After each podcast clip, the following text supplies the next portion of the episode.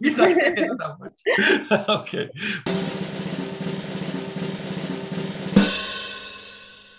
Barış. Duygu, nasılsın? İyiyim, sen nasılsın? Ben de hiç fena değilim. Ben hala İstanbul'dayım. Sense İskoçya'da ne yapıyorsun bilmiyorum. Hala kale geziyorsun galiba, doğru mu?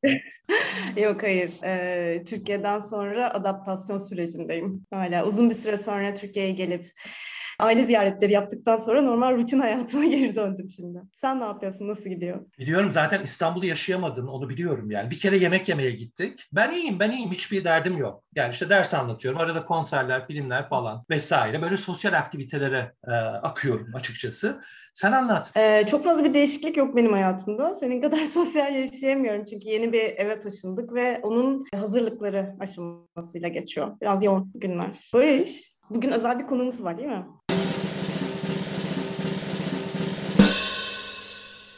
Kesinlikle bizim için çok özel bir konu. Kuzenler laflıyor podcast'i için. Bir başka evet. kuzenimizi daha buraya getirdik öyle değil mi? Ama bu kuzenimiz gerçekten ünlü bir kuzen. Yani kuzin diyelim değil mi?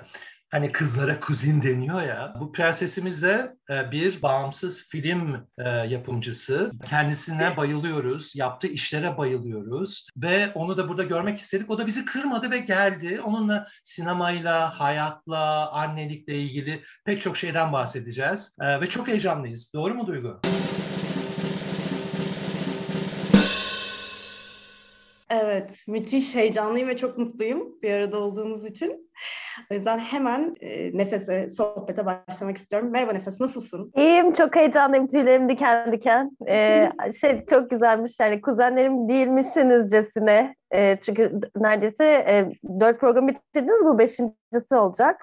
O yüzden yani artık podcast yayıncısısınız ve merak ediyorum bana neler soracaksınız. Sana çok iyi hazırlıklar yaptık. Bir sürü de soru hazırladık aslında. Ee, ama ondan önce tabii biraz e, biz kuzen muhabbeti yapıyoruz. Sen önce bir anlat bakalım hayatın nasıl gidiyor, neler yapıyorsun? Ee, ne yapıyorum? Nefes filmsi hayatta tutmaya çalışıyorum. Özellikle de pandemi sonrası sinema salonlarında izleyicilerin var olması, salonlara gitmesi ve film seyretmesinin düşmesiyle birlikte, sinemanın evlere girmesiyle birlikte e, yani yeni yayıncılığa aslında adapte olmaya başlamıştım. Daha da hızlandırmaya çalışıyorum diyeyim. Ee, işte bir uzun metraj film bitti Kumbara. Onun e, sinema gösterimini tamamladık. Şimdi yeni bir filmin bitiyor. Post prodüksiyonunda final mixi bitti. Jeneriklerini çalışıyoruz. Festival yolculuğuna çıksın diye. Karviyayı isminde e, uzun metraj bir film daha. E, ve yepyeni bir e, projeler almaya başladım artık. Hani elim gidiyor. E, iki yıllık üretim e, ve şey iki film aynı anda yapma telaşının ardından. E, tabii bir de yani bu ekonomide hayatta kalmaya çalışıyoruz. O enteresan. Yeni bir meslek kolu edinmeye çalışıyorum. Mesela atölyemi versem, yaratıcı yapımcılık e, üstüne konuşsam ve eğitim öğrenimi paylaşsam insanlarla diye. E, aslında evet böyle. Bu kadar.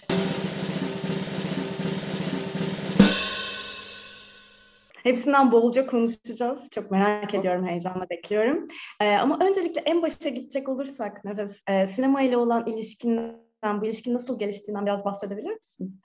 Ben de burada hemen ekleyeyim mi bir şeyler Duygucuğum? Bu çok güzel Tabii bir soru ki. ama benim de burada eklemek istediğim bir takım şeyler var. Ee, Nefes'ciğim sinema sanatı her zaman ilgili olduğum bir disiplin miydi? Yoksa hani bu yedinci sanatın üretiminin pek çok farklı sanattan beslenmesi, işte resim, edebiyat, fotoğrafçılık, tiyatro gibi. Yani sinemanın o sanatsal kapsayıcılığının senin bu alanı seçmende bir katkısı oldu mu? Daha da önemli, acaba sana çekici gelen kısım bu disiplinler arası teknik ve entelektüel alışverişin etkisiyle ortaya çıkan enerjinin üretime dönüşüp kitlelere ulaşması mı? Çünkü Hı-hı. ben sinemayı biraz böyle görüyorum. Ne diyorsun Nefes?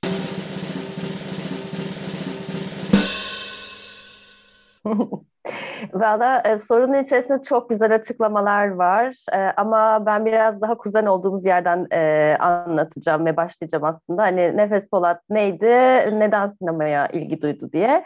Yani siz benim iki kuzenimsiniz ama ben insanlara kuzenlerimi, ailelerimi falan anlatırken hep şey derim, biz yüz kuzeniz. Sonra saydık o yüzün üzerine de çıkmış artık kuzenlerimizin çocuklarının çocukları şeklinde. Yani ben çok kültürlü ve çok çeşitli bir aile bir aile yapısının içerisinde doğdum açıkçası. E, ailemin içerisinde böyle hani parmakla gösterilen örnek olunan sanatçılar e, yoktu. Bizim kuşağımız açısından söylüyorum. Yani sinemayla ilgilenen ya da edebiyatla ilgilenen e, ama hep bir entelektüel birikim var. Yani mesela Recep'le de oturup konuştuğumuz zaman şey görüyoruz ya bütün kuzenlerin mi üniversite mezunu, bütün kuzenlerin mi avukat, psikolog, akademisyen yani herkes böyle bir e, eğitimin içerisinde. E ben sizlerle büyüdüm hani o yüzden böyle içimizden de biriniz bir sanatçı çıkması gerekiyordu diye düşünüyorum.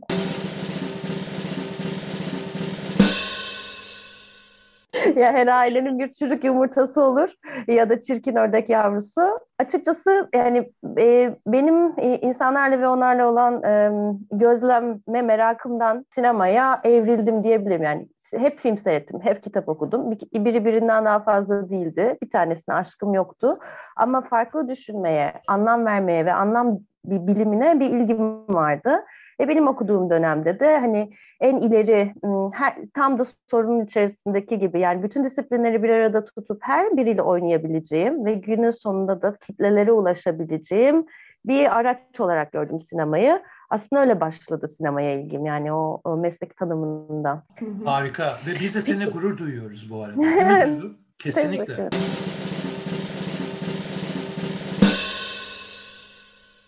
Peki e, sinema ile olan ilişkini çok güzel bir yerden tarif ettin. Ama e, yapımcı olmaya seni iten temel his ve motivasyonlar neydi? Onu da çok merak ediyorum.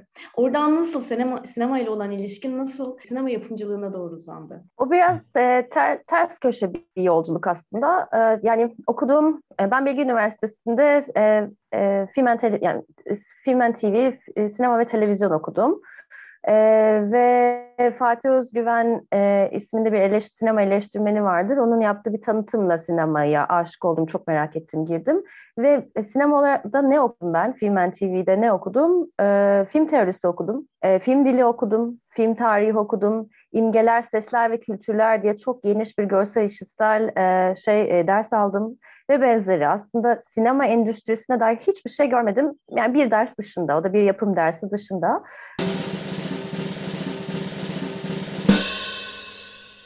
E, ve şunu anladım yani ben bir teori okuyorum aslında akademisyen olmam gerekiyor ama burada pratikte bir endüstri de var ve oraya beni ekle, ekleyebilecek, bağlayabilecek hiçbir e, akademik e, yolculuğum olamaz. Çünkü yok üniversitelerde bu anlatılmıyor. Dolayısıyla böyle bir e, festivallere ilgim olmaya başladı. Çünkü hani sinema dediğimiz zaman hep festivallerde seyrettiğimiz filmleri seyrediyorduk e, şeyle çoğunlukla. Ve e, popüler olanı izlemenin dışında beni cezbeden şeyin aslında alternatif e, dil ve içerik olduğunu biliyordum. Dolayısıyla festivaller de öncelikle ilgi alanım. Ama nasıl yapılıyor? Yani bu filmler e, ete kemiğe nasıl bürünüyor? Ben daha somut düşünüyorum açıkçası. Yani işte o soyut düşünceyi somut bir hale nasıl indirebiliyorumla ilgilendim bu süreçte.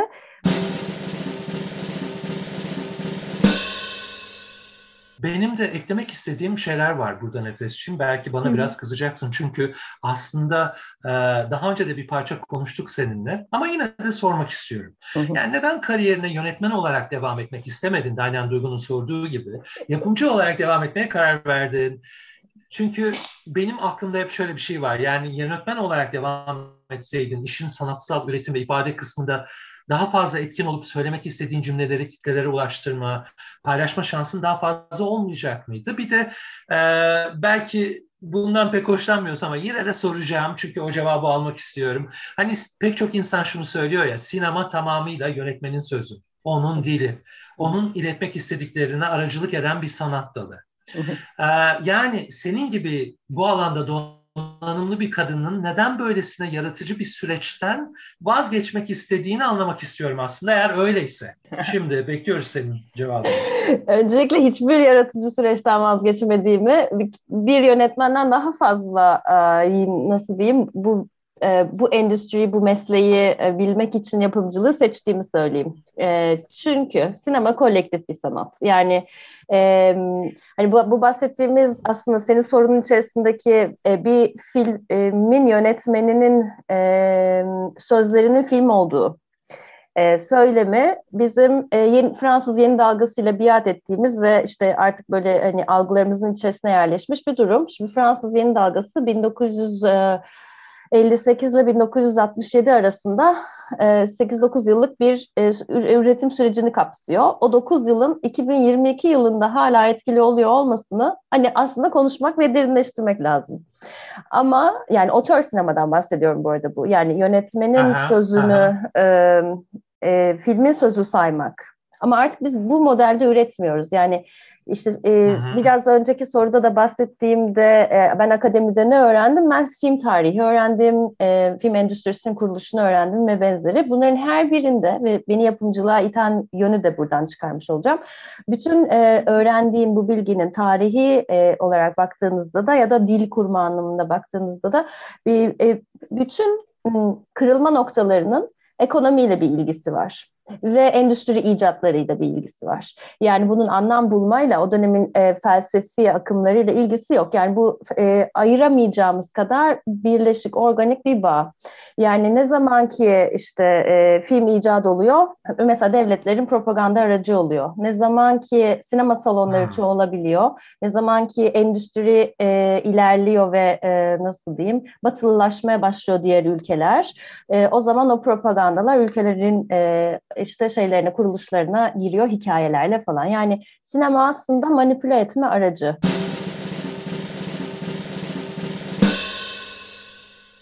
Ve bu manipülasyon evet. için e, yani otör sinema ne? ne, ne? Otör sinemada Fra- Fransa'daki Amerikan manipülasyonunu engellemek için harika örgütlenmiş bir grup öğrenci, e, öğrenci ve aynı zamanda Hı. sanatçı kişinin e, üretim çabası. Yani kana e, ana, ana akım olmayan bir filmi sokabilmek Cannes Film Festivali'ne gibi. Yani böyle bir mücadelenin arası bağımsız üretim ama bağımsız üretim artık e, bir kişinin fikrinden ve onun çevresindeki e, eşinden, dostundan, kendi e, yatırımlarından e, somutlaşmıyor. Yani şu an bizim endüstri, e, e, enstitülerimiz var. Mesela Fransız yeni dalgasında yoktu bu. Ve bu savaş sonucunda, Fransız yeni dalgasının sonucunda devlet kendi kısa filmini yapabilsin diye yönetmenlere fon vermeye başladı. Yani orada enstitüler oluştu, işte ne bileyim sosyal örgütler oluştu, e, devlet mekanizmaları çalışmaya başladı ve benzeri. Yani biz zaten hala hazırda bunları çalıştırdığımız, bu savaşın ortasında üretmeye başladığımız bir noktadayız. O zaman e, şu, şu yani bağımsız film yapımcısı eşittir yaratıcı yapımcı. Yazar hmm. eşittir yaratıcı yazar. E, film yönetmeni eşittir bağımsız film e, yapan kişi. Yani bilmiyorum biraz dağıldık mı ama yapımcılığa... Hayır, hayır, hayır, hayır. Yapım, hayır, yap, beni, beni yapımcılığa iten şey de e, aslında biraz daha böyle şeyden e, magazinsel bir yerinden e, ve kendi deneyimimden anlatayım. Yani ben Bilgi Üniversitesi'nde burslu sinema okudum. Yaklaşık 30 kişilik bir dönem arkadaşlarım vardı. 30 kişiyle birlikte okudum. 30 kişinin 20'si yönetmen olmak istiyordu.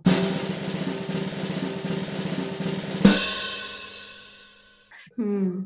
Anlıyorum. Ve e, iç, iç, içimizden hiç kimse de yapımcı olmak istemiyordu.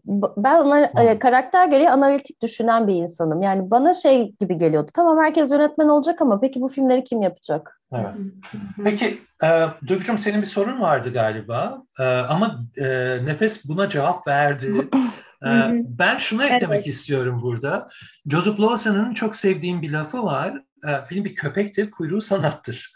Ancak 40 yılda bir kuyruk köpeği sallar. E, senin üretilmesinde katkıda bulunduğun, yapımcılığını üstlendiğin filmler hep köpeğin kuyruğu sanki. Yani ben öyle algılıyorum en azından. E, sınırlı sayıda sinemalarda vizyona giriyor değil mi bu filmler?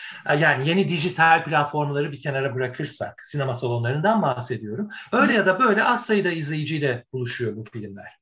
Şimdi bu noktada aslında ben bazı avantajların olduğunu da düşünüyorum ama sen istersen hem avantajlarından hem de dezavantajlarından bahsedersen çok mutlu oluruz. Yani bağımsız film yapımcısı olmanın e, artıları ve eksileri nedir? E, şu an yaşadığımız çağda çok karamsar bir tablo çizmek istemesem de e, büyük bir avantaj kısmından bahsedebileceğimi e, düşünemiyorum. Çünkü e, şimdi bahsettiğimiz bütün bu bağımsız film üretim yolculuğunda işte otörden başlayarak buraya fıt diye aldığım e, şeyde e, çerçevede eğer bağımsız filmleri e, popüler olanın dışında cümle kuracak e, ve biçim üretecek yani kendini de icat edecek yani yeni dillerini iletecek bir alan olarak tanımlarsak o zaman bana göre büyük bir de avantaj. Çünkü e, soru sorma alanı, oyun oynama alanı, yeni olanı dahil etme, onun e, izleyici tarafından nasıl tüketileceğine dair tasarlama. Yani büyük bir laboratuvar aslında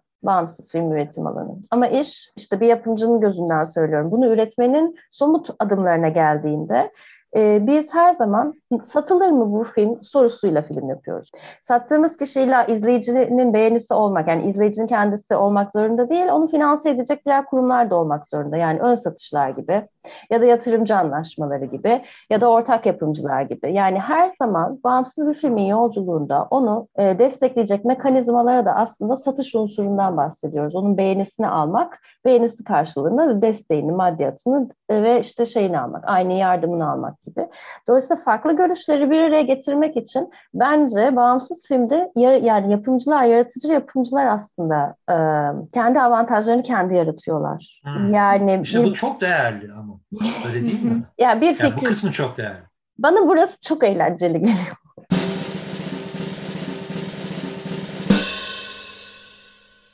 yani hiç insanların nasıl diyeyim kanılarını değiştirebilme alanı gibi geliyor ve bunu da kendim için değil de bir film için, bir fikir için, bir farklı bakış açısı, farklı bakış açısı için yapabilmek çok keyifli geliyor. Yani böyle şey gibi bir şey başarmış hissim filmler bittiğinde değil, her zaman onu, o filmleri finanse ettiğim yolculuklarda oluyor benim için. Yani eğer ben o filmi e, işte Türkiye'deki ilk e, ön satış diye bir dijital platforma satabildiysem, yani bir, bir dijital yayıncının sahiplenebileceği bir bağımsız film yaptıysam, e, o benim için bir başarı oluyor. Peki bir taraftan da e, zor olsa gerek değil mi? Ortak yapım projeleri yürütmek kolay olması gerek. Zorlandığın zamanlar oluyor mu Nefes? Bağımsız sinema filmi çekmenin en zor tarafları neler sence? E, bence enerji, motivasyonu ve üretme e, dürtüsünü dengesinde tutmak. Yani böyle çok kırılgan e, ve yani kırılgan olmaya da hakkı olan eril bir kırılganlıktan bahsetmiyorum. Gerçekten doğumla ilgili bir şey, yaratmakla ilgili bir şey. Yani o yaratma dürtüsünü e, şey e, e, hep dengede tutmak. Yani onu e, yatay e, düzleme indirmemek. Hep o dikey, hep arada o coşkuyu tutabilmek yani onu bir arada tutmak. Bu çok zor bence. Çünkü zamanla üretiyoruz. Yani zaman içerisinde en az 3 yıl sürüyor. Ve yazımının da bir süresi var. Yani siz bir yapımcıya bir yönetmen ya da yazar yazdığı senaryoyla gelmeden önce kendi kendine geçirdiği upuzun bir süre var. O karanlık olabiliyor, uzun olabiliyor. Dolayısıyla zaten e, senaryoyu çıkarana kadar o yaratıcı sürecin kırılganlığından geçmiş bir kişiyle birlikte yeni bir yolculuğa çıkıyorsunuz. Ve o yolculukta da her zaman bu fikri kim destekler konuşmaların içerisinde savunmanın ve anlam, anlayışın e, önde olması gereken bir ikili denge yürütüyorsunuz. Yani o filmi savunmalısınız da ama bir taraftan da oraya gelecek eleştirileri onu e, iyileştirmek, geliştirmek için içeri de almalısınız. Hı hı. Ee, böyle bir e, hep bir ölçme, biçme, tartma, ince dengesini bulma bir denge işi. Bence bu kısım çok zor. Yoksa hani her film yapılabilir bence. Büyük büyük konuşmayı da sevmem ama içimden öyle coşku geliyor. Yok bence, bence kesinlikle haklısın. Yani Peki, her film yapılabilir inanmakla ilgili galiba. O filme inanmakla da ilgili bir şey aslında. Evet. Duygucum istersen hazır projelerinden bahsederken biraz Nefes'in kariyerinin başına doğru gidelim mi? Bu arada senin hmm. sormak istediğin başka bir şey var mı? Ee, aslında şunu merak ediyordum. Bir yerde sen anlatırken Nefes yaratıcılıktan da bahsettin. Onunla ilgili bir soru gelmişti aklıma. Ama e, kesmek istemedim sana. Hazır fırsatımız varken daha projeleri geçmeden onu sormak istiyorum.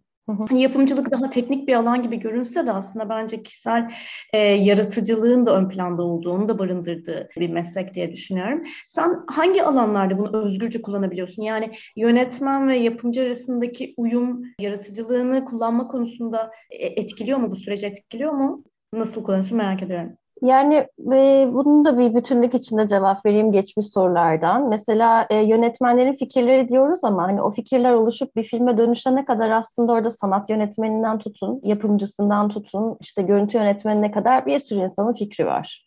E, tabii ki Hı. yönetmenin pozisyonu karar verme. Yani hangi, onu mu seçeceğim, bunu mu seçeceğim? Yani bir tercihler arasından neyi tercih ettiği ve orada hani tutarlı olup olmadığıyla ilgili bir pozisyon. Ama oradaki e, tutarlı yolu yani oranın patikasını e, örmek yapımcı, yazar ve yönetmenle birlikte örülen bir süreç. Yani daha e, eti kemiği olmadan e, şey hikaye yani e, teknik metin olarak da senaryo ve tretman üzerindeyken.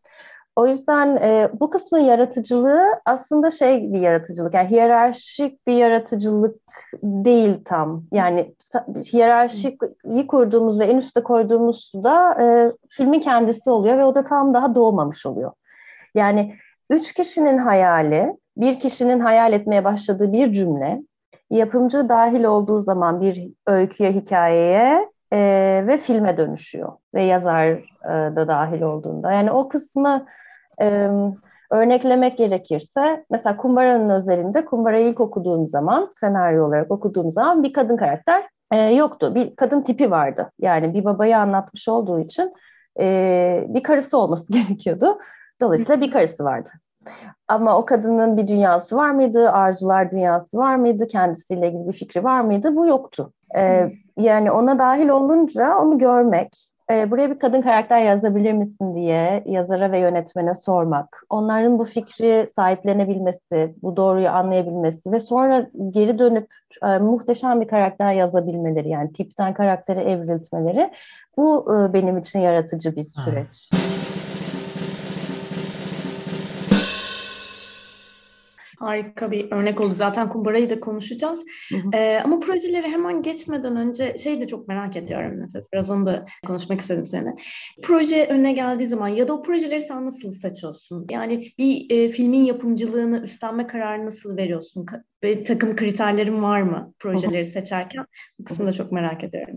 E, Bechdel testi diye bir test var. Duymuş muydunuz kuzenlerim? Evet. Bir, birkaç tane kritere göre değil mi değerlendiriyorsun? Üç tane sorusu var. Yani bu beta testi aslında toplumsal cinsiyet temsillerinin adaleti üzerine Hı-hı. bir pratik ama bu illa kadın olmak zorunda değil. Ben artık onu biraz kendim için çeşitlendiriyorum Hı-hı. da yani bakarken. Ee, yani beta testi aslında sadece şunu kırmaya çalışıyor. Ee, yani erkeklerin dünyasını erkek karakterlerle e, anlatan filmler olmasa mı sorusuna cevap. Olmasın. Ee, erkekler de olsun ama hani o, sadece onların dünyasını konuşuyor olmayalım. Yani o işte e, onlara Hı-hı. hizmet etmeyelim. Dolayısıyla oradaki hani aslında hızlı... çeşitliliği ölçen, değil mi? E, evet. Yani diversity aslında mesela. Evet, evet. pardon. Aha. Fakat o, o yani o bir o bir tane test ve işte şeyi ölçüyor. Yani Aha. erkek e, e, karakterlerin dengesinin çoğunlukta olup olmadığını ölçüyor. Ama onun dışında ben neye bakıyorum? İşte çocuklar var mı diye bakıyorum. E, bu işte çocukların hangi yaş grubundaki çocukların izleyebileceği bir film diye bakıyorum. E, ço- çoğulcu mu diye bakıyorum. Yani e, kapsayıcı mı? Ondan sonra e, yani gerçek mi değil mi açıkçası ilgilenmiyorum ama biçim e, biçimi an, anlatıyla anlatım arasında bir fark var. Bu anlatı kısmında yani film dili kurma kısmında e, yaratıcı mı, yenilikçi mi e, ve tutarlı mı diye bakıyorum. Orada bir oyun alanı var mı diye bakıyorum. Ee, bir de tabii ki finanse edilebilir mi diye bakıyorum. Hani ben şey de söylemem gerekiyor. Iı, biz de bağımsız film yapımcıları da işte satılır mı diye soruyoruz. O da neye göre demek? Ee, dönemin trendlerine göre demek. O trendleri belirleyen kurumları, enstitüleri kaydediyoruz. Ee, pardon, takip ediyoruz ve şeyi biliyoruz yani bu dönem bu, bu hikayeleri finanse etmiyorlar. Yani çok güzel bir hikaye ama yapamayız gibi. Nefes'im ben o testi e, şöyle duymuştum. Yani e, teknik olarak ismini bilmeyerek duyduğum bir testti o. Yani daha doğrusu pek çok farklı testin yapıldığını biliyordum. Ama senin bir röportajında duydum ben onu aslında.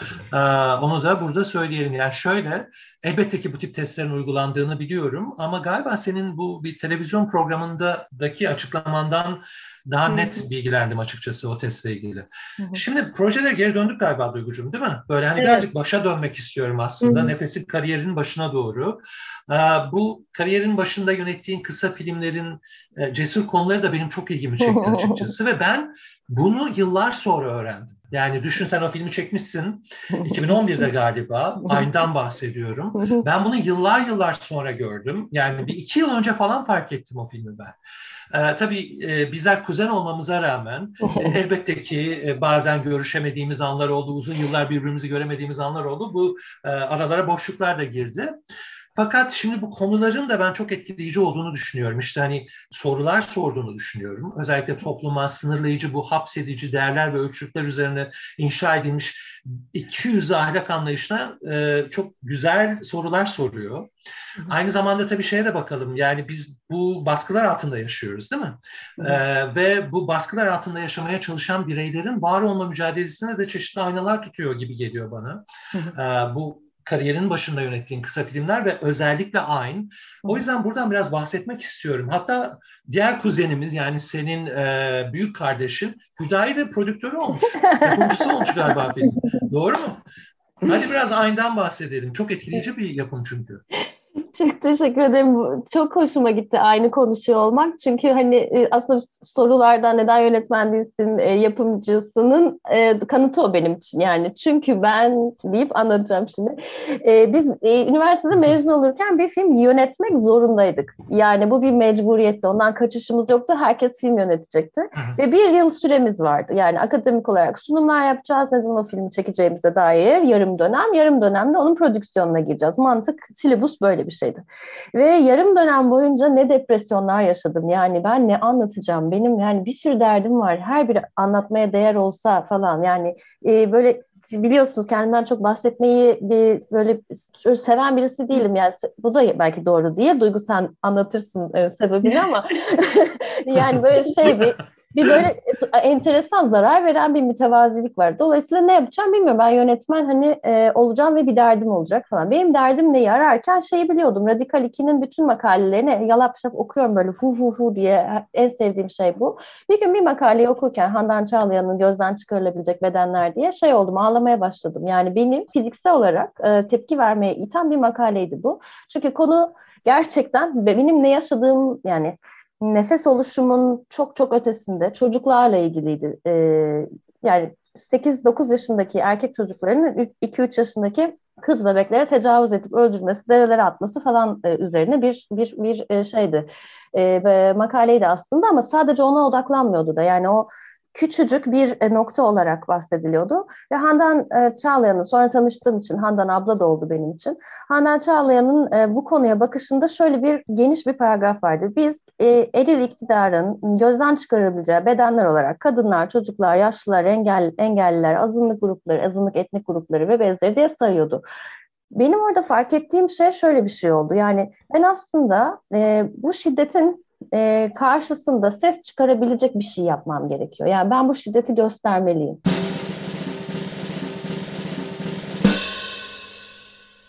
Ben buna e, şeyim çünkü tepki veriyorum. Peki yapalım. Ama aynanın işte sunumlarını yaparken çok e, nasıl diyeyim e, sert yerlerden geldim aslında aynı yapmaya. E, işte sunumlarımdan birinde Orhan Cemçet'in işte gö- gösterdiğim bir grafik e, imge örneği üzerinden şöyle bir şey söyledi. Nefes öfkeni anlıyorum. Bunu anlatma isteğini de anlıyorum ama yani biz e, hikaye anlatıcıları olarak ne anlattığımızın sorumluluğunu almazsak şiddeti yeniden üretiriz dedi. Çünkü ben şiddeti birebir göstermek istiyorum. Yani bir, bir çocuğun bir başka çocuğa tecavüzünü. Bunu görsünler, görsünler, kelimelerin arasında kalmasın diye. Orada işte benim kafam kırıldı. Dolayısıyla şunu anladım yani akademiye daha çok girersem üretim metotları açısından görsel ve işitsel dünyada deneysel bir sürü alan var. Bunları keşfedebilirim. Ve sonunda ben aynı deneysel belgesel bir film olarak tasarladım. Çünkü e, ve bunu yapmak e, Barış çok zor bir süreçti. Yani benim için bayağı işte şey e, travmalar ve tetiklendiğim bir süreçti. Film üretimine de onu katmaya çalıştım. Yani e, aynı da bir soru buldum çocukça. Çünkü bütün e, şeyi, belgeseli Lacan'ın meta teorisi üzerine yerleştirdim. Ve aynalama e, ve Lacan'ın sanata e, tanımı, sanat eylemine tanımı olan sembolik dünyadan bizi aynı evremize götüren bir kanal açma pratiği üstünden bir metot bulmaya çalıştım. Laboratuvarda benim için uğraşıyorum.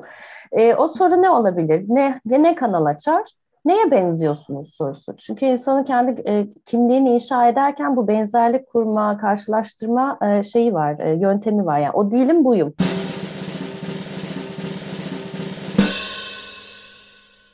Bu değilim şuyum ve bu ikilik beni çok rahatsız ediyordu. Dolayısıyla tanıdığım sosyal çevremden insanlara neye benziyorsunuz diye sordum. Onları kaydettim, dö- dö- doküment ettim yani. Ve onları kendilerini ifade ederkenki biçimlerini de Lacan'ın evrelerini de bir yerlere koymaya çalıştım. Yani gerçekten sembolik dünyanın üstünden konuşan var. İşte ben kadınım, ben şöyleyim, ben böyleyim diye. E, iyi kötü şu diye tanımlar yapan var. Bir de onların içerisinde kaybolan, salınan insanlar var falan. Sonra yine tabii metodu araştırdığım için bu yetmedi. Bunları yan yana koyunca olmayacak. Ne yapmam lazım? İzleyiciye de on, o dünyayı anlatır. Bir görsel dünya inşa etmem lazım. Ne yapabilirim? Rüyalaştırabilirim bu insanların bana değdiği yeri deyip yani özetle rüyaya yattım o e, şeylerin röportajları gördüğüm rüyaları o gördüğüm biçimde çekebilmek için de e, metotlar bulmaya çalıştım. İşte o noktada abime şeyde telefon açtığımı düşün. Yani 16 milimetre çekmem lazım. Çünkü ben bu rüyayı güvenli gördüm. Benim gidip e, şey kamera 16 milimetre kamerası bulmam gerekiyor ve rüyamı 16 ile çekmem lazım abi. Yani hani para bitti bana yardım eder misin? Çok iyi. ben işte bitirebileyim diye yani şeyi bana bir tane fotoğraf makinesi o zaman DSLR'ler yeni çıkmıştı. Video yapıp video ve fotoğraf çekebileceğim bir kamera aldı 16 milimetreleri buldu bir yerlerden getirdi falan. Yani o da beni okutmuştur abim yani öyle diyebilirim. Beni mezun, beni mezun etti. Ee, ve sonra film bitti.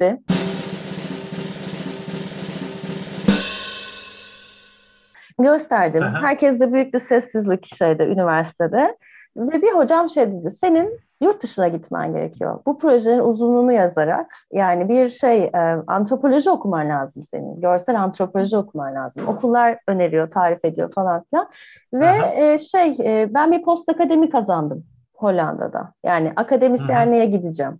Ve cesaret edemedim çünkü o, o gerçekten orayı Duygu bana anlatacak bence. Ya o kadar zor bir süreçti ki içimden o yaratma sürecini çıkarmak. Yani ben böyle giderse deliririm diye düşündüm.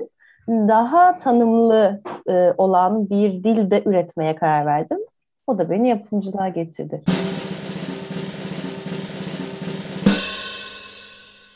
Ama şimdi bir dakika, şimdi kısa filmlere e, atlamayalım çünkü benim onunla ilgili bir takım sorularım da var. Hı hı. Bir şeyi de merak ediyorum. Kısa metrajlı filmlerle uzun metrajlı filmleri karşılaştırırsak eğer, hı hı. hazırlık aşamasında, üretimleri sırasında, tamamlanıp gösterime girmeleri aşamasında teknik imkanlar, maddi kaynaklar, hani bütçe vesaire, izleyici hı. tepkileri falan adına ne tip benzerlikler, ve farklılıklar var. Bunu da merak ediyorum. Ee, bir de şunu da eklemek istiyorum.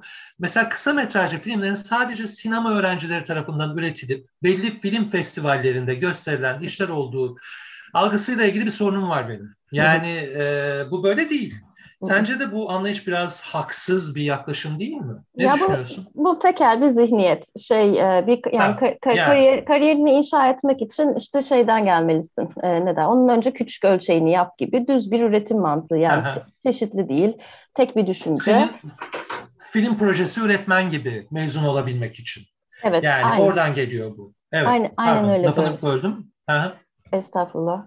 Ee, yani kısa film ayrı bir medium, orta metrajın ayrı bir medium olduğu gibi, uzun metrajın ayrı bir medium olduğu gibi ve kısa filmler amatör filmler değil. Türkiye'de e, kısa filmler olduğu zaman e, alabileceğiniz eser işletme belgesi e, amatör eser işletme belgesi diye geçer mesela. Yani profesyonel bir kısa filmi Türkiye'de alıp kayıt ettiremezsiniz, kayıt tescili olamaz. E, ama büyük bir endüstrisi var. Yani ben kısa filmi sadece e, öğrenciyken değil hala yapıyorum. Son bir e, ürettiğim kısa film e, bir Türkiye-Brezilya ortak yapımı. Ee, ve e, yine uzun metrajlarda yardımcı yönetmenliğimi yapan çok sevdiğim ekip arkadaşımın yönetmenlik e, yaptığı bir film. Birbirinden ayrı medyumlar konularıyla yani hikayesi kısa olması yani romanla öyküyle hani karşılaştırılır. Böyle birebir benzetmeler çok doğru gelmiyor ama aslında teknik olarak doğru. Yani kısa film kısa filmdir. Uzunun hiçbir ayağı değildir. Birleşemez. Hani bir kısa film ancak uzun metrajın bir parçası olacaksa uzun metraj bir filmin sekansı olabilir. Yani bir sekansı.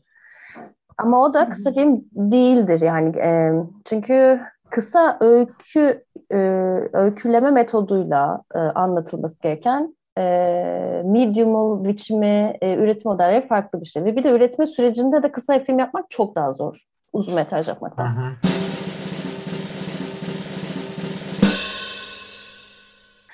Yani destekleme fonları yok. Destekleme Hı-hı. fonları yok. Ee, yani var olan fonların e, verdiği bütçelerle kısa film bütçeleri yani neredeyse şey aralarında yüzde seksenlik farklar var. Yani yüzde yirmisini verebiliyor destekler. Ee, yüzde seksenini şeyle halletmek zorundasınız. Yani e, ayrı bir finans yapısıyla o da çoğunlukla sponsor ve destek mekanizmalarıyla. O yüzden yani çok çok daha zor ama çok daha fazla üretiliyor. Çünkü hani daha kısa sürede üretebilirsiniz. Yani 3 yılda değil de 1 yılda üretebilirsiniz. O yüzden yapımsal olarak e, hani şey daha e, fazla yapılabilir.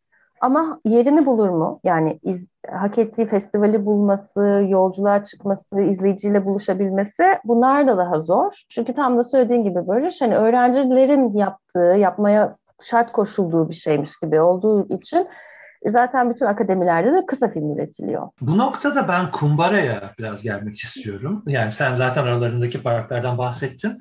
Önce şöyle söyleyeceğim. Duygucum senin için de uygunsa ben Kumbara filmini seyrettiğimde neler hissettiğimi biraz anlatmak istiyorum. Hayır, ee, evet, bir biraz konuşalım bunu. Şimdi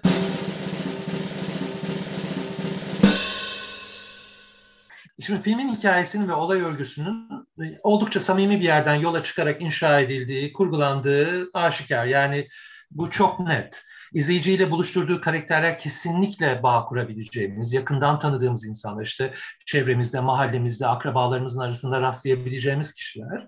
Ee, dolayısıyla onlara yakınlaşmak, yaklaşmak, yaşadıklarıyla empati kurmak zor değil. Fakat filmi izlerken hep şöyle düşündüm. Oyuncular o kadar iyi performanslar çıkarıyorlar ki, öylesine iyi performanslar sergiliyorlar ki izleyici tarafından böyle hani rahatlıkla sıradan daha da önemlisi böyle sığ bulunabilecek bu kurgu karakterler böyle üç boyutlu derinliği olan insanlara dönüşmüşler. Hı. Bilmiyorum buna katılır mısın? Yani ben oyuncuların çok iyi seçildiğini düşünüyorum kısaca. Bu arada lütfen yanlış anlama. Yönetmenin becerisini asla göz ardı etmiyorum. Hı hı. Elbette çünkü böylesine gerçek bir hikayeyi özellikle hani son sahneyi düşünürsek hı hı. ki burada spoiler vermeyelim. Hı. Vizyondan kalktı ama e, yakında bildiğim kadarıyla bir dijital platformda gösterilecek. Hı hı. Hani gereksiz demagojiye kaçmadan seyircinin böyle duygularını sömürmeden perdeye taşımak zor aslında o sahneyi. Ve bu becerilmiş bu filmde.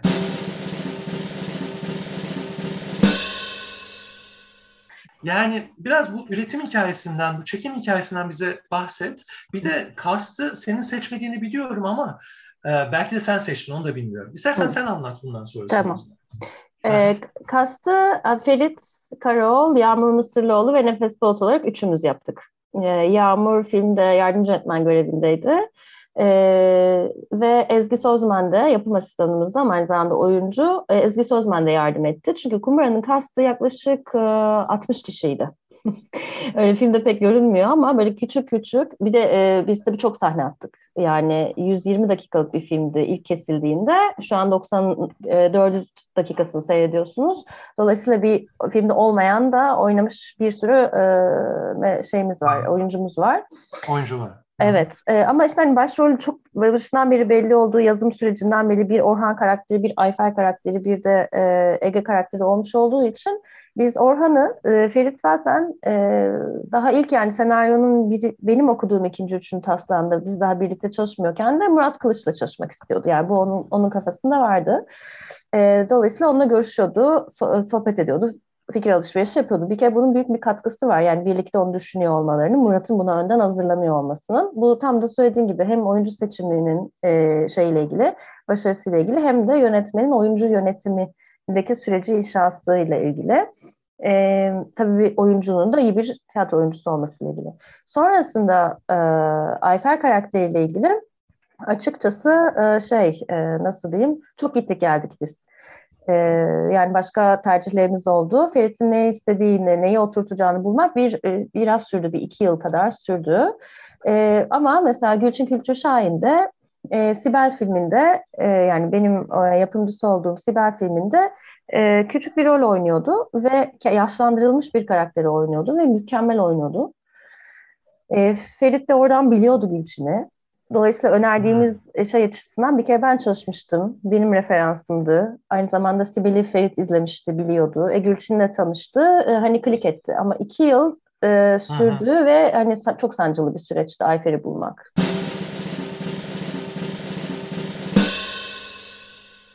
Evet, Duygu istersen senin soruna geçebiliriz burada. Hı hı. Evet, öncelikle müthiş bir hikayede aynı anlatırken çok etkilendim. Ee, o e, yaratma, o e, yaratıcılığın doğma hikayesi beni inanılmaz etkiledi ama e, her e, yapımcılığın üstlendiği filmi izlerken de ben inanılmaz etkileniyorum zaten. İşe yarar bir şeyde de öyle, İsmail'de de öyle, Kumbara'da da öyle. E, sen biraz önce zaten aynı anlatırken de biraz bahsettin. Sinemayla psikoloji çok iç içe, birbirlerinden besleniyorlar ve faydalanıyorlar diye düşünüyorum. Hı hı. Biz psikologlar olarak e, insan doğasının, insan davranışının doğasını aslında anlamaya çalışırken sinemada da bu karmaşık e, insan davranışlarının pek çok detayı ve inceliği perdeye yansıyor. Ama bazen her zaman da tabii e, bu kadar hani zihni kurcalayan filmler izlemeyebiliyoruz. Yani ben şöyle düşünüyorum. Bazen filmi izlemeye başlarken ki senle kalktığın zamanki sen çok farklı olabiliyorsun. E, bu kadar hani oradaki başarının da biraz zihni kurcalaması, zihni meşgul etmesi, o şüpheye düşürmesi diye düşünüyorum filmin başarısını. Ben öyle yorumluyorum kendimde ve ben ne zaman senin filmlerini izliyor olsam artık hani filmin başındaki benle sonraki ben çok farklı e, oluyor. O zihnimin kurcalaması tarafını çok e, seviyorum. Projeleri kabul ederken bu bilinçli bir seçim mi?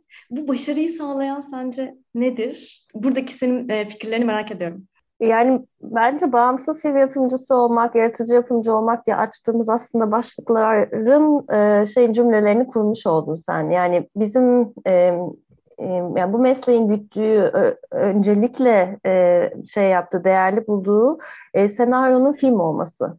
Yani bu da tabii ki hani şöyle bir algımız şey gerçeğimiz vardır. Senaryo iyi ise iyi bir film olur ama senaryo kötüyse asla iyi bir film e, olamaz. İşte bu iyi ve kötü dengesi aslında hani kağıt üzerinde okuduğumuz teknik metinde bile yaşamıyorsa o film bizim için bizim gözümüzde o zaman onu sinema yapamayız. Yani o e, kötü bir kopya olur. Hayatın kötü bir kopyası olur. Hayatın iyi bir kopyası, o kurcalayan kopyasını yapabilmek için de onu yapan herkesin işte yazar, yönetmen ve yapımcının e, görüşünün ortaklaşması gerekiyor. Bir ortak değer yaratması gerekiyor birlikte. O da film yani filmin filme doğru birlikte bakmak. E, bu eğer filmimde bu çalışıyorsa yani bunu duyduğuma gerçekten çok sevindim. Bunun m, tek gayesi hepimizin ortak görümüzü her filmin her aşamasında çünkü işte kurgusu var, ses miksajı var, post prodüksiyonu var, hani çekimi geçiyorum. Ee, her aşamasında önümüze çıktığında eksiğini bulmak, neden bizim sen, senaryoken hissettiğimiz duyguya neden yaklaşmadığını, nereden kaybedildiği üzerine düşünmek, yeniden üretmek, farklı versiyonlar yapmak ve taslak üstüne taslak çalışmak olduğunu düşünüyorum. Yani senaryoda da değil her anlamda.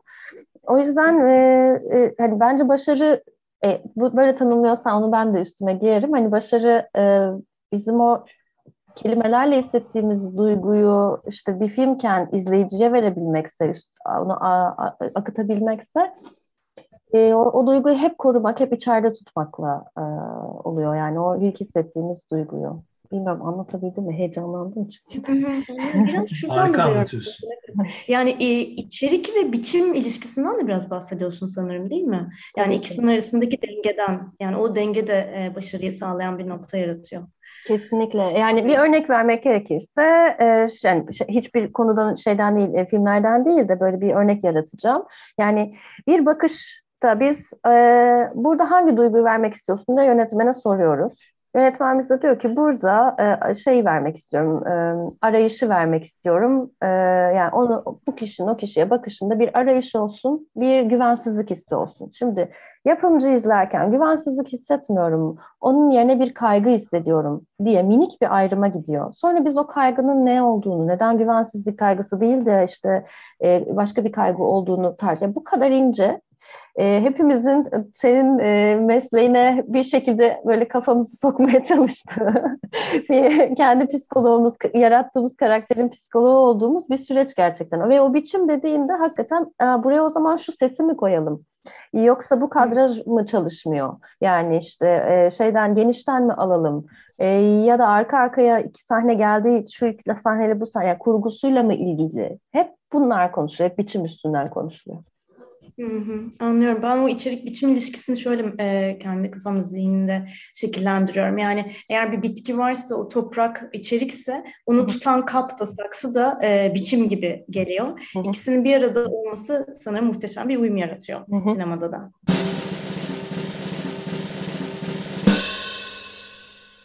Şimdi ben de şey atlayacağım buradan. Ee, birazcık da sinema sektöründe kadın olmaktan bahsedelim bence.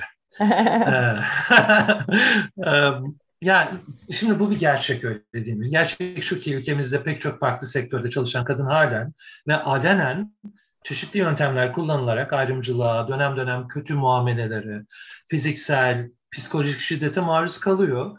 Ee, ya da şöyle açıklayayım, elindeki gücü kötüye kullanan erkek iş arkadaşlarının ve veya patronlarının tacizine uğruyor açıkça. Bunu dile getirelim. Şimdi burada şunun da altını çizeyim. Hepimiz kadın ya da erkek aynı eril dilin ve ölçütlerin üzerine kurgulanmış kodların yörüngesinde yetiştirildiğimiz için olsun. Bazen iktidar meraklısı, gücü elinde tutan bazı kadınların da diğer kadınlara aynı yöntemleri kullandığını, aynı yöntemleri kullanarak onları ezmeye çalışıp kadının hani kadın kadının kurdu değil yurdudur lafını boşa çıkardıklarını düşünüyorum açıkçası. Buna ne kadar katılırsın bilmem Sonuna Ama kadar. Bu konuda e, Türkiye sinema endüstrisindeki örgütlenmeyi duruşu yeterli buluyor musun? Bunu çok merak ediyorum. Bir de şu da bana çok tuhaf geliyor Nefes. Dünyanın pek çok gelişmiş ülkesinde hani tırnak içinde gelişmiş diyorum.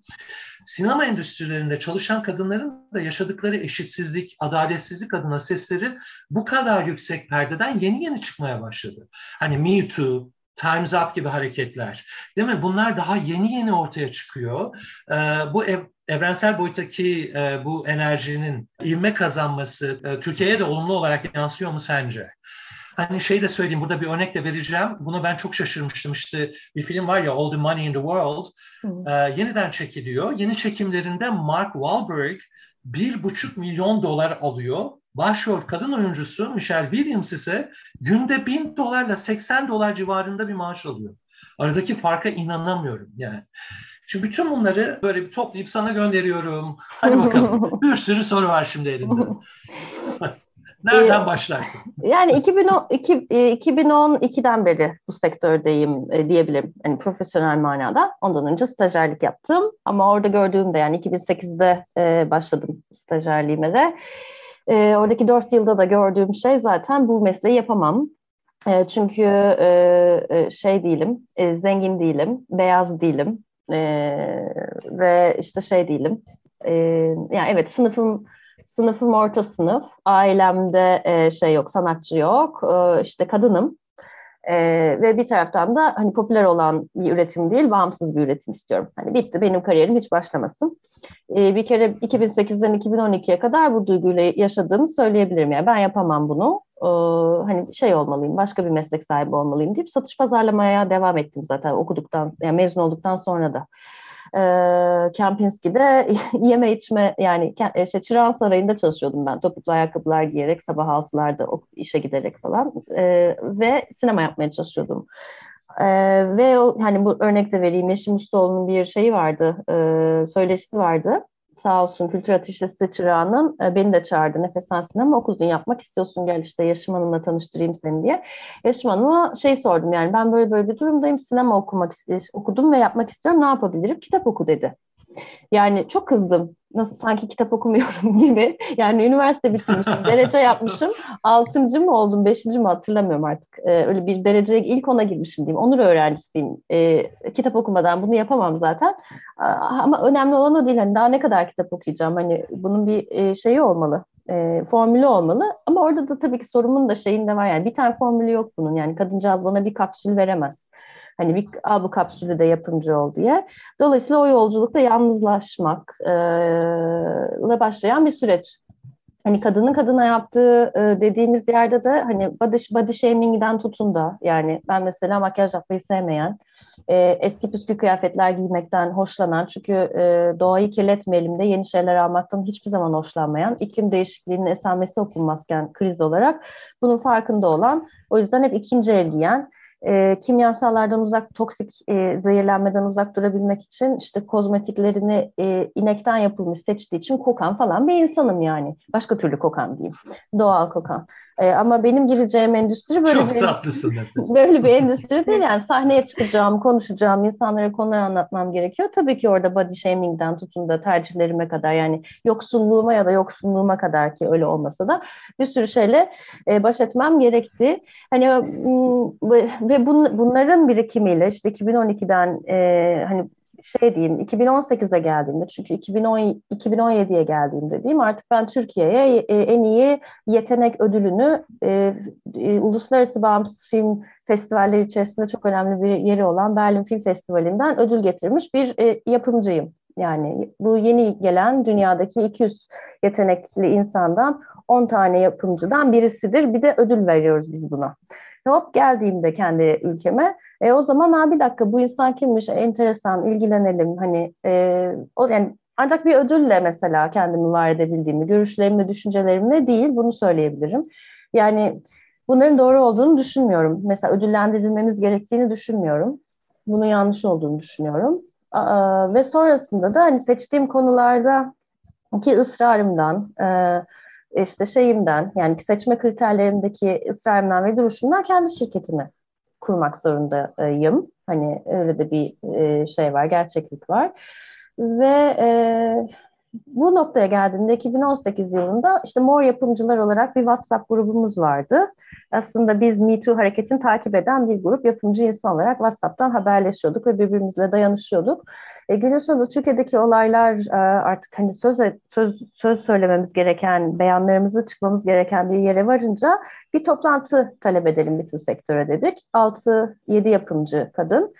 Ondan sonra e, ben de o dönem hamileyim. Hani anneliğe de birazdan geçeceğiz. O yüzden şeyi de söyleyebilirim yani. Hani bir de e, işte herkes bana e, çocuğumun cinsiyetini soruyor sağlığını sormaktansa böyle toplumsal cinsiyeti böyle omuzlarımda hissediyorum yani. İşte sağlıklı mı demiyor da kız mı erkek mi diyor. E bir de kızım olacak bu topluma. Dolayısıyla bir şey yapmam gerekiyor ben en azından kadınların geleceği için hani bir de artık söz sahibi bir yerdeyim diye düşünüp bir çağrı açtık biz. Sonra o e, Susma Bitsin isminde bir eylemliliğe dönüştü.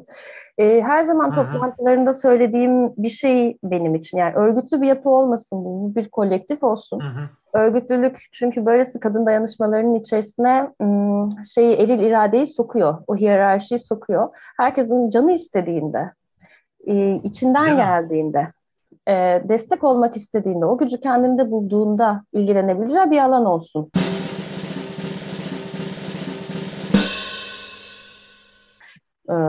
Ancak ben ben o zaman içinde var olabilirim diyordum. Artık öyle görmüyorum susma bitsini. Yani kendimi güvende hissetmiyorum susma bitsinin içindeyken. Ama belli bir süre boyunca 2018 ile 2020 e, süresince şeyi e, nasıl diyeyim bir destek mekanizmasını e, kolektif bir biçimde oluşturabildiğimizi düşünüyorum. Ve hala da çalışan e, yani belli bir kitleye ulaşmış, hani Me Too'nun ulaştığı kadar demeyelim ama hani yine de Türkiye içerisinde işte belli davalar var. Elçişcan'ın davası örnekti mesela. Bizi de en çok iten dava oydu. Ee, kazanılsın kaybedilsin büyük bir kazanım var arkasında yani erkek adaletin dışında kendi adaletimizde.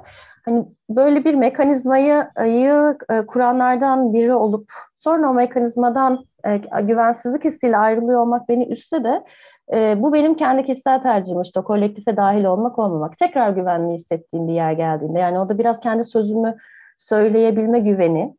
e, geldiğinde, tartışma Hı-hı. alanı bulma geldiğinde girebileceğimi bildiğim de bir alan. Yani öyle bir e, yıkıcı bir mekanizma değil hala. Sadece bazı sözleri, ha, tamam, okay. yapımcı olmayı.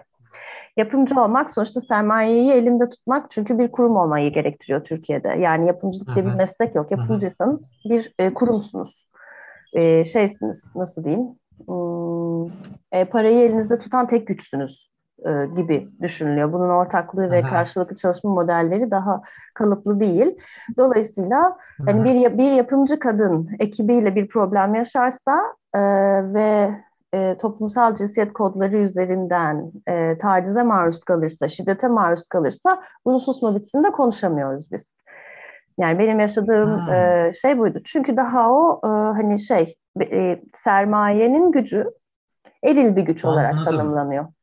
Dolayısıyla hmm. e, o alanlar açıldıkça e, ben de tekrar kendimi içinde güvenli hissedip tartışabileceğimi düşünüyorum ama saygıda duyuyorum yani gerçekten hmm.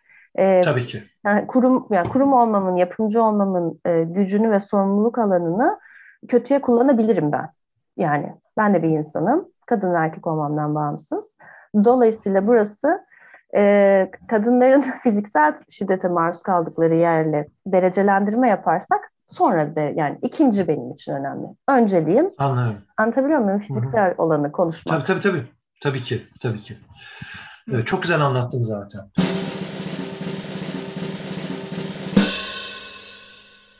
Nevret'cim harika anlattın. Ama hazır kadın ve kadın temsillerinden bahsederken biraz da anneliğe geçmek istiyorum. Ee, çok tatlı bir kızın var. Bizim yeğenimiz Bal Gece. Şeyi merak ediyorum. Yani bütün bunlarla beraber e, anne olmak nasıl ve bu yoğun çalışma temposunda annelik müessesesiyle nasıl bir ilişki var? Merak ediyorum doğrusu. Ee, yani Bal Gece aslında e, yani benim sinemaya olan aşkımın da e, bir e, şeyi yansıması. Çünkü anne Recep'le biz Sibel'in setinde tanıştık. Ee, beraber iş yapıyorduk birlikte ve sevgililiğimizi set sırasında bütün ekip arkadaşlarımızdan saklayarak bir yolculuğa başladık. Ama sonrasında birbirimizden vazgeçmedik. Ee, bir çocuğumuzun olması hiçbir şekilde böyle bir e, önceliğimiz değildi. Bunu birlikte yapabileceğimizi konuşuyorduk ama beraber projeler yapmak istiyorduk. Yani önümüzde gelen bütün projeleri birlikte yapmak. E, çünkü Recep de yapımla ilgileniyor ve uygulayıcı yapımcılık ve mekan sorumluluğu yapıyor çok önemli iki şey, e, departman aslında. Dolayısıyla böyle birlikte üretme aşkımızla e, hayatımıza devam etmek planlarımız vardı. Böyle Bal Gece kendi şansını, hani bizim coşkumuz böyle e, nasıl diyeyim, e, daveti kabul ederek hayatımıza geldi ve beklemediğimiz bir anda geldi. Hani o açıdan aslında ilk yaşadığım şey bir hayal kırıklığıydı. Yani bunu şimdi ben nasıl yapabilirim? Hani ağladığımı çok net hatırlıyorum o gün ve şey diye ağlıyordum. İki tane film yapmam gerekiyor. Ben nasıl e, bir çocuk yapabilirim? E, bir çocuğu da bu süreçte nasıl yapabilirim e, diye e, çok bir şeydim yani kaygı içerisindeydim ilk ilk duygumda ama sonra hani Recep'le birlikte yapıyor olmanın e, bir motivasyonu vardı. O yüzden annelik e, tek başına yapılabilen bir şey değil. E, cinsiyetlerden bağımsız bir çocuğu dünyaya getirmeye karar vermiş e, iki, üç, dört farklı fazla da olabilir insanın aslında paylaşması gereken bir rol bence.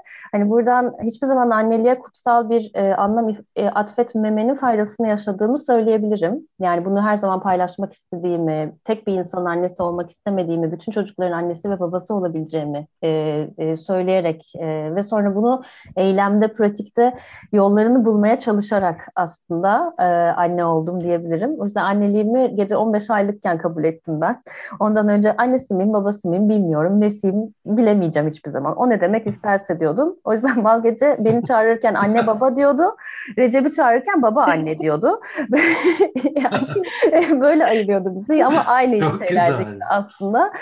Ee, yani şeyden zordu. E, filmlerin e, prodüksiyon süreçlerinin içerisinde emziriyor olmak, bedensel olarak bir insana can veriyor olmak, o yüzden mekan yani fiziksel olarak bir yerde sadece bir yerde kalmak, e, birden fazla yerde olamamak e, ya da o süreci e, işte prodüksiyon gibi yani çok çok e, kalabalık ortamlara, teknik malzemelerin olduğu böyle gürültülü yerlere taşımak falan açıkçası zordu. Burada çok fazla yanlışım, e, işte öngöremediğim e, ve yalnız kaldığım süreçler yaşadım. E, ama benim için e, yani büyümekte olan bir insanla e, bu gayelerle e, ilişki kurmak e, mesleki olarak da bir sürü görümü açtı diyebilirim. Çünkü e, anneliği üzerime giymediğim gibi onu giyerken de kendime göre kestim aslında. E, aynı şeyi yapımcılığı üzerime giymediğim gibi insanlarla yaşadığım deneyimlerde keserek giydim diyebilirim. Yani bana dayatılan o, o yapımcılar bunu yapar, anneler bunu yapar algısı her iki şeyde de konu içerisinde de benim için her zaman ben bunun yolunu bulmalıyım. Benim için ilkeler olmalı, benim doğrularımla e, bunları şekillendirmeliyim diyerek e, şeye evrildi. Yani birbirini besleyen iki e, alana evrildi. Hani zorluydu çünkü yeniydi. E, kolay kolay olanlar bana hiçbir zaman e, konfor vermedi. Benim konfor alanım her zaman kendim için olanı karşımdaki o diyalog e, kurduğum kişiyle e, bir araya ortada bir yere getirmekle olabiliyor. Yani benim konforum değil, e, bir bizim konforumuz.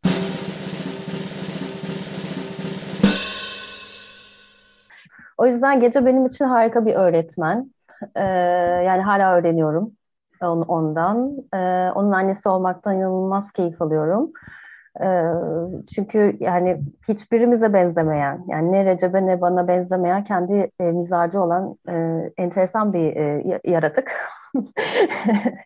e, o yüzden e, e, yani iyi ki birlikte oldu diyorum. Ee, ama e, hiç kolay değil. Yani şunu biliyorum, hani şunu söylemem lazım çünkü anne olmak isteyip de bunu erteleyen meslektaşlarım var ve, e, ve bu, bunun lafını etmek gerekiyor bence. Yani şunu çok iyi biliyorum mesela ko, e, yapım koordinatörü olan bir arkadaşımın ben anne olamam çünkü eğer olursam bana iş vermezler ve yaşamımı kazanamam. Yani maddi olarak bu meslekten hiçbir gelirim olmayacağı, bir kazancım olmayacağı için anneliği seçemem. Anneliği ancak işte başka bir e, işte finansal sürdürülebilirlik oluşturduktan sonra seçebilirim deyip e, içinde olan yani istediği bir şeyi bu meslekte yapamayacağını bildiği için erteleyen e, kadın arkadaşlarım var, meslektaşlarım var. Yani bu bu bir gerçek yani anneyseniz e, bir başka toplumun gözünde yapım yani film yapmak çok zor bir şey.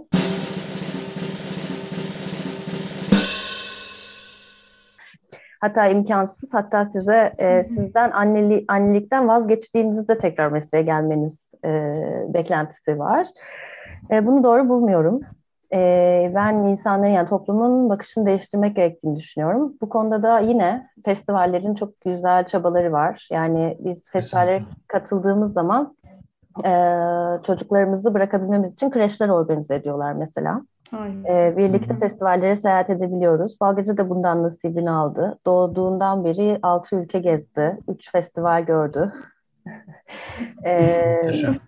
e, yani onun için de onun için de umarım güzel olacak e, böyle bir geçmişinin olması e, değmiştir de bir şekilde ama ben de en azından yaşarken e, o desteği görebiliyor olmak yani bir ihtimal olarak olması gereken olarak konuşmak değil, yaşıyor olmaktan açıkçası mutluyum. O zaman bu noktada ben her ikinize de e, annelik ve kadınlık üzerine son yıllarda seyrettiğim en samimi ve en dürüst filmi öneriyorum. Maggie Gyllenhaal'ın Lost Daughter'ı. Bilmiyorum aslında onun üzerine konuşmak isterim sizinle. Siz izledikten sonra bir yerde yeniden buluşalım ve film hakkında konuşalım. Bu arada sosyal medyadan takip ettiğim kadarıyla pek yakında benim gibi gay bireyleri oldukça heyecanlandıran queer bir projeye başlıyorsun sanırım Nefes'ciğim. Renkli non-binary karakterlerden oluşan bir hikayeyi beyaz perdeye taşıyacaksın anladığım kadarıyla. Ee, öncelikle bu süreç nasıl gelişti? Biraz anlatır mısın? Ee, benim anladığım gibi mi olay ve hikaye? Biraz da bundan bahset. Evet, e, e, film e, gayri resmi bir ailenin pek müşterek hikayesi isminde. E, Salamis e, Ayşegül e, ve Fehmi Öztürk tarafından yazıldı. E, Fehmi Öztürk tarafından yönetilecek. E, Fehmi ile biz aralığın başında haberleştik. O projeyi bana sunmak istediğini söyledi. Hani bahsetmemde bir sorun olmadığını bildiğim için hani bahsedeceğim de bu e, yönetmenle yapımcının ilk tanıştığı ve birlikte bir işte bir projeyi konuştukları kriterler içerisinde ben her zaman şunu da söylüyorum e, yönetmene. Beni neden seçtin? Yani neden bağımsız film yapımcıları arasından nefes bu proje projeyi yapsın dedim diye. Hazır Bağgece'den de konuşmuşken Fehmi şunu söyledi yani bir sürü şey söyledi ama benim için en değerli yani bu arada nefes dedi yani bütün bunların dışında şu beni çok etkiledi dedi. Balgece'nin e, bir dönem bakıcısının drag queen bir arkadaşımız olduğunu gördüm. Üç ay kadar Balgece'ye drag queen bir arkadaşımız e, bakıcılık yaptı. Çünkü işte pandemi yüzünden sahnelere çıkamıyorlardı ve biz bunu bir dayanışma e, olarak görüyorduk. Yani bizim ev içi emeğimize o destek veriyor. Biz de ona finansal olarak destek veriyoruz diye. E, Fehmi de şunu söyledi yani hani bir bakıcının e, drag queen olmasını seçmek e, İstanbul'da yani Türkiye'de İstanbul'da e, Beyoğlu'nda yaşayan birisi olarak benim için çok ufuk açıcıydı e, dedi. Büyük bir cesaret gibi yorumladığını, e, oradan etkilendiğini de söyledi. Yani tabii ki bizim tercihlerimiz... Devrim bence. bizim ter... bir çeşit devrim bu yani. doğru, doğru. Çünkü yaşarken de hani kolay bir şey değil, uğraşmamız gereken çok fazla şey var. Biz Recep'le işte şu an oturduğumuz masanın etrafında oturup yani biz hayatın her köşesinde savaş vermek zorunda mıyız? Yani çocuğumuza Kesinlikle. bakılırken bile savaş vermek zorunda mıyız? e, tartıştık ama yani sonuçta e, inançlarımız, doğrularımız, doğru bulduğumuz, eylemliliğimiz yani biz öyle düşünüyoruz. Hani eylem, eylemlerimiz bizi kim olduğumuzu tarif ediyor. Ne düşündüğümüzü değil. O yüzden de düşüncelerimizle yaşıyoruz. E, Fehmi ile böyle bir araya geldik aslında. Önceden tanışıyor olsak da bir, birlikte proje yapmazken. Fakat Fehmi'nin e, ve e, Salamis'in e, yazdığı hikayede beni içine alan durum tam da senin söylediğin gibi cinsiyetleri atanmamış bir şekilde insanlardan, karakterlerden bahsedebiliyor olması. Ama bunun altında bu karakterler hangi hikayeyi anlatıyor diye baktığımızda da yine aynı benzer gri alanı biçimle onu da duyguyla konuştuğumuz e, işte saksısı olan yani filmin saksısı olan e, biçimle nasıl kurdukları e, gayri resmi bir ailenin pek müşterek hikayesi aslında mülkiyet arzusu üzerine bir hikaye. 15 kişilik, e, 30 yani 30 toplam 30 kişiden oluşan bir aile var. Bunların anne ve baba yani büyük nineleri ve dedeleri dört kuşak aile aynı evde yaşıyorlar. E, dede, dede, dede ve nine evlendirilmişler ama e, bir köşk e, inşası e, yani bir kö birlikte köşk inşa edip içinde yaşamak üzere evlenmişler ve sonra köşk inşa olduktan sonra her iki ailede yani her iki kişi de kendi e, ailelerini kurmak istemişler. Çünkü bir arada olmak istememişler. Birisi e, Kalkanlı, birisi Sümen e, soyadlı. Sümenler ve Kalkanlar olarak aynı evin içerisinde yaşamak istemişler ve e, bütün bu hikayeyi biçim olarak iki boyutlu bir dekorda yani illüzyon algısı yaratan dekorda e, drag queen kostümleri e, ve makyajlarıyla karakterleri giydirdiğimiz bir biçimde anlatıyoruz. Çünkü aslında absürt bir film anlatıyoruz ve e, hicivini yaptığımız konuysa mülkiyet arzusu.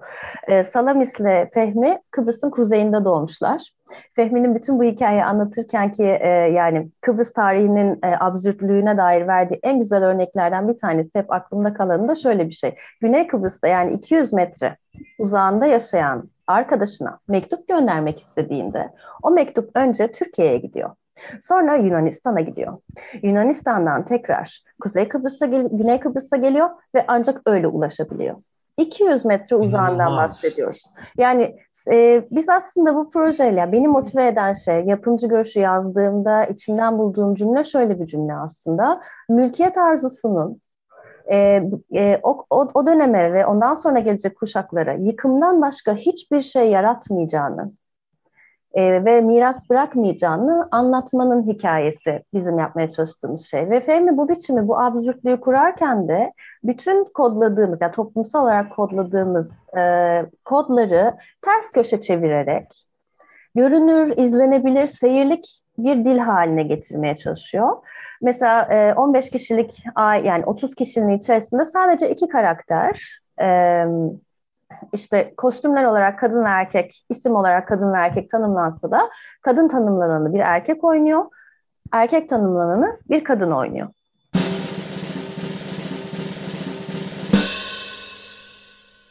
Ya bütün o 30 kişi böyle değil ama bizim odağına girdiğimiz, kendi odağına girdiğimiz iki karakteri böyle e, kastetmek istiyor. Mesela bunlar benim için müthiş e, kararlar. Çünkü çalıştığını gördüğümde işte o yaratma e, şeyi de yani nasıl diyeyim işte yaratıcı e, e, yaratıcı süremici, sürecimizin sonuçlandığını görebilmek için ve buradan çıkan anlamın bir başka insanın zihninde hangi kalıpları kıracağını bilemeyişimiz. Ama yine de duvara Hı-hı. bir tık bir, bir kapıya bir vurmak yani tık tık e, yani felsefenin dışında sinemayı da böyle bir araç olarak kullanmak beni çok heyecanlandırdı.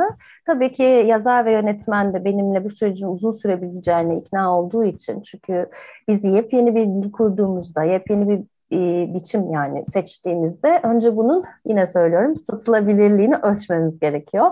O yüzden küçük bir teaser çektik. Nasıl görünüyor, e, nasıl anlatacak 3 dakika kadarını.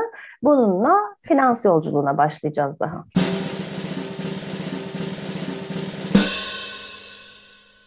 E, Nefes'cim harika anlattın. E, Duygu da ben de ikimiz de merakla bekliyoruz bu projeyi. Hazır kadınlardan, annelikten, non-binary karakterlerden bahsederken geçen gün e, Ece Temel Kur'an'ın bir röportajını dinliyordum.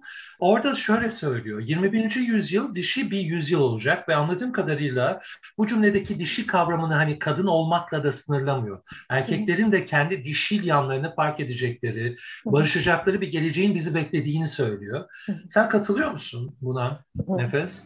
Tabii ki e, ama buna feminist bir yerden değil, Taoist bir yerden katılıyorum. E, hani onu Güzel. söyleyebilirim. Hı-hı. Ee, yani çünkü hani dişi tanımlarken kadından ayırdığımız e, alan aslında tam da hani bir insanın e, bir varlığın içerisindeki ikilik de ikil, ikiliğin e, dengesi. Aslında dualist bir şeyden de bahsetmiyoruz çünkü onu bir de kapsayan bir bütünlük var. Yani yin yang sembolünü hemen gözümüze getirirsek aslında orada görebiliriz yani siyahın içinde beyaz, beyaz beyazın içinde siyah ve ikisi bir bütünler. Yani bir tane oluyorlar. Dolayısıyla dualist de değil.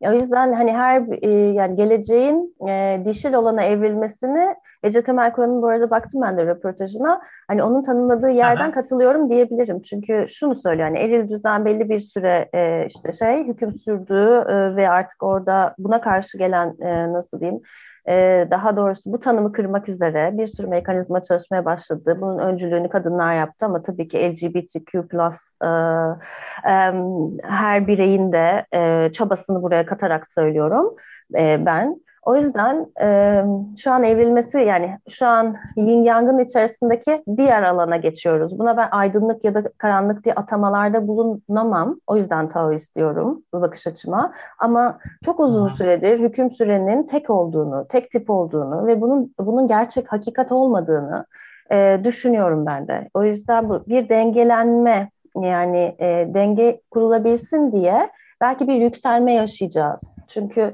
e, yine aynı röportajın içerisinde şey de söylemiş. O bana doğru bir söylem gibi gelmiyor. Yani erkekler şimdi ne yapacaklarına Hı-hı. karar verecekler diye. Yani mesela bu bana çok Hı-hı. yalnız yalnız bir bakış açısı gibi geliyor. Yani ben o insanla Hı-hı. birlikte yaşıyorum. Hı-hı.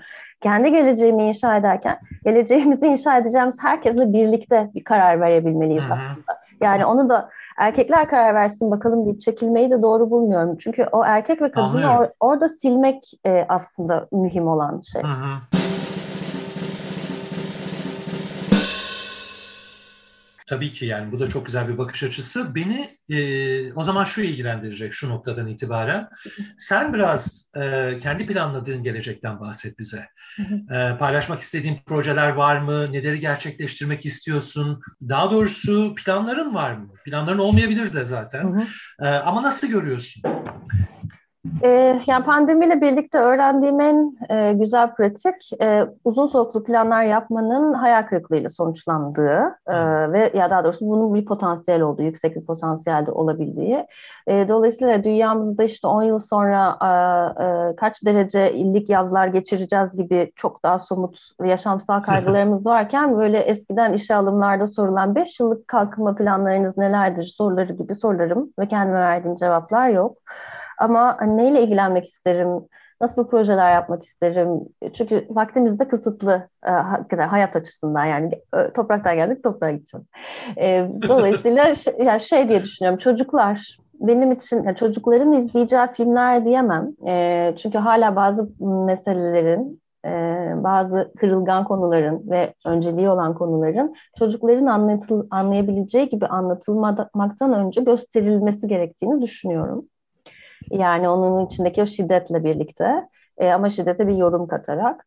E, dolayısıyla çocuklara film diyemem ama çocukları gözeterek üretmek, doğayı gözeterek üretmek. Ee, yani ben artık ekofeminist olduğumu söylüyorum mesela. Hani feminizmin üzerine e, daha başka bir pratik ekliyorum. O yüzden toprağı, dünyayı ve onun üzerinde var olan varlıkları ve korumaya muhtaç olduğumuz varlıkları, tohum gibi, çocuklar gibi e, değer ver, veren, onlara değer biçen ve geliştiren projeler yapmak istiyorum. O yüzden çocuklara sinema e, etkinlikleri olabilir. Milli Eğitim Bakanlığı'yla her okulda e, sinema e, zorunluluğu olması yani izleme pratikleri. Çünkü ekranların şu anki hali de ve e, gittiğimiz işte izleme e, alışkanlıkları da beni ürkütüyor tüketmek açısından. Yani hızlı tüketmek, anlam kurmamak, anlamı hep kopyalamak, temsilleri sadece çoğaltmak altını derinleştirmemek gibi.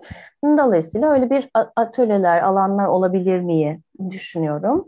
Başlangıcı da galiba hani pedagojik bir e, şey altyapı olması gerektiği için hani eğitimler olabilir. İşte daha önce başta da söylemiştim galiba yaratıcı yapımcılık atölyeleri verebilirim miyim? Hani böyle sorular. Ee, bu kadarını öngörebiliyorum. Bir süremde yok işte. Hani kendi zamanında hayat en büyük öğretmenimiz. Hani o bana öğrettiğinde yapabileceğim Hı. zaman yapmak isterim. Çok güzel. Harika. Nefes umarım orada da çok başarılı olursun. Çok güzel bir alan. Tebrik ediyorum. Seni keyifle dinliyorum. İnanılmaz Aa, teşekkür ederim. anlattın. Çok güzel bir sohbetti. Ee, sanırım Barış bizim sorularımız Bitti galiba değil mi? Sormak evet, başka... bizim sorularımız e, tükendi. e, ama şöyle, seni dinlemek gerçekten inanılmaz keyifliydi bu arada. Nefes'cim, Ay çok e, teşekkür e, ederim ya. Artık yani samimiyetle söyleyeyim. Utanıyorum çünkü. Hayır, çok teşekkür Ama ben çok, hiçbir şey yok. Çok mutlu oldum ee, bu arada. Yani uzun zamandır her şey konuşmak istediğim bir sürü şeyin sorusunu sordunuz. O yüzden bana, benim için çok değerliydi. Bir de siz dinliyorsunuz beni. Yani benim kuzenlerimsiniz. Hani bir araya gelmek, hep bir arada olmak istediğim insanlar. Yani böyle inanılmaz güzel bir e, cuma günü oldu. Çok teşekkür ederim. Bu muazzam derinlikli sohbet için çok çok teşekkür ediyoruz öncelikle. Gerçekten renk kattın. Ee, ve bu sadece senin bizim kuzenimiz olmanla ilgili değil.